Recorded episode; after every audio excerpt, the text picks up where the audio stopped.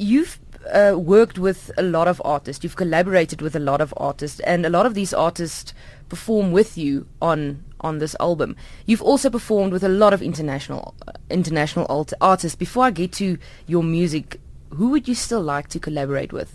Ooh, geez, that's a big question and a great question. Um, you're so many people. It's it's it's hard for me. Um, that that the kind of answer to that changes almost weekly. Um, at the moment, I've been listening to a whole bunch of Bjork all again after years of, of, of kind of not hearing her music, and I've just been loving what she's been doing, particularly her kind of earlier stuff, which I missed at the time, I guess. Um, but then I've also been listening to a fantastic sitar player from India, a guy named Niladri Kumar, who I think is just absolutely fantastic.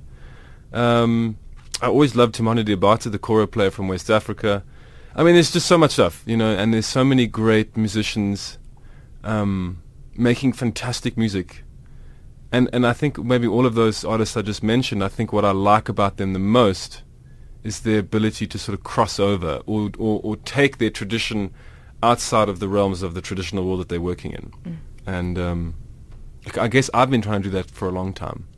And yeah, collaborating often allows that possibility that that wasn't previously in place. There's two sort of musical voices uniting to create something new. I think that that's always interested me. So yeah.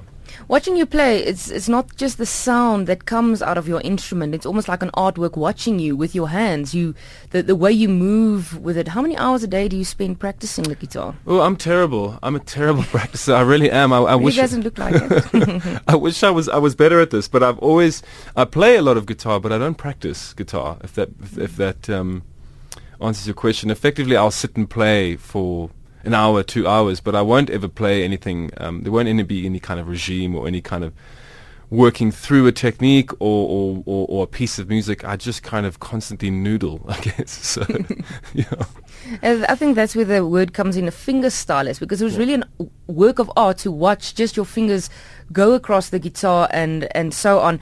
And what do you think about when you play? It's always interesting for me to, hmm. because especially when it comes to um, guitar players, instrumental music, is what happens in the mind when you hmm. play.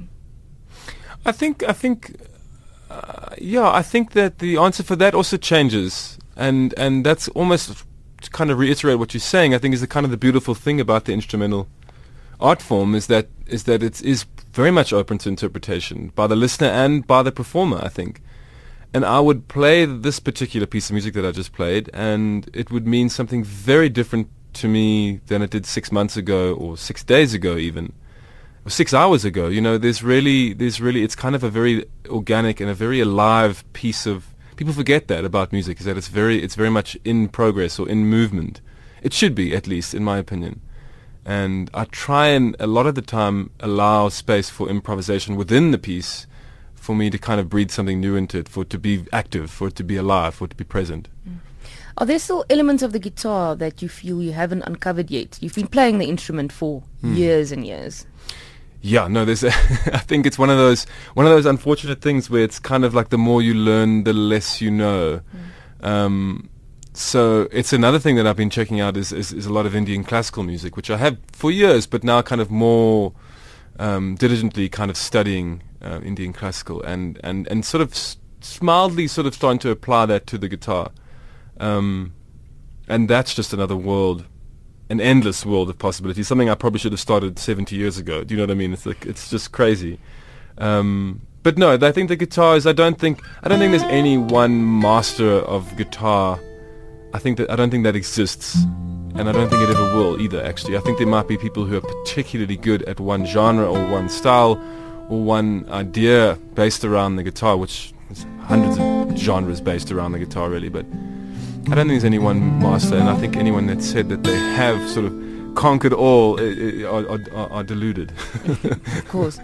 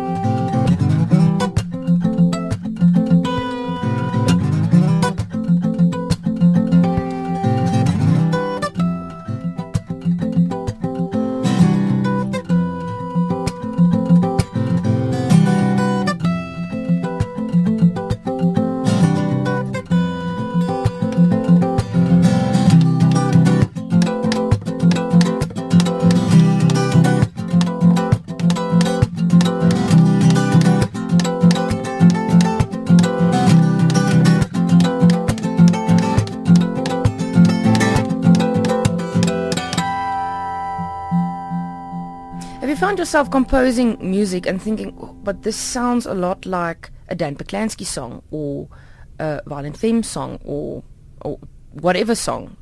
I think that definitely happens. In fact, there's a piece on my new record, which is which is a piece called Three Four in the Morning, which features a wonderful bass player who I'm actually working with on, on Sunday, a guy named Shane Cooper. And I'd written the melody for guitar, so it's in a much higher register, and he plays a double bass, so it's a much lower register. So when he when he played the melody on his double bass in the much lower register, we both realized that the melody was very, very similar to a Joni Mitchell song that we both loved, which it was totally, I mean, totally un, uh, un, unplanned kind of plagiarism there, but but certainly these things happen. I mean, um, I think that, and, and Dan Patlansky says it himself. You've got to be careful what you listen to because because that comes through and you're playing, even if you don't, even if you're unaware of it. So so um, for sure, I think I think there's a process of osmosis where some of that music is moving through you, knowingly or unknowingly. Mm.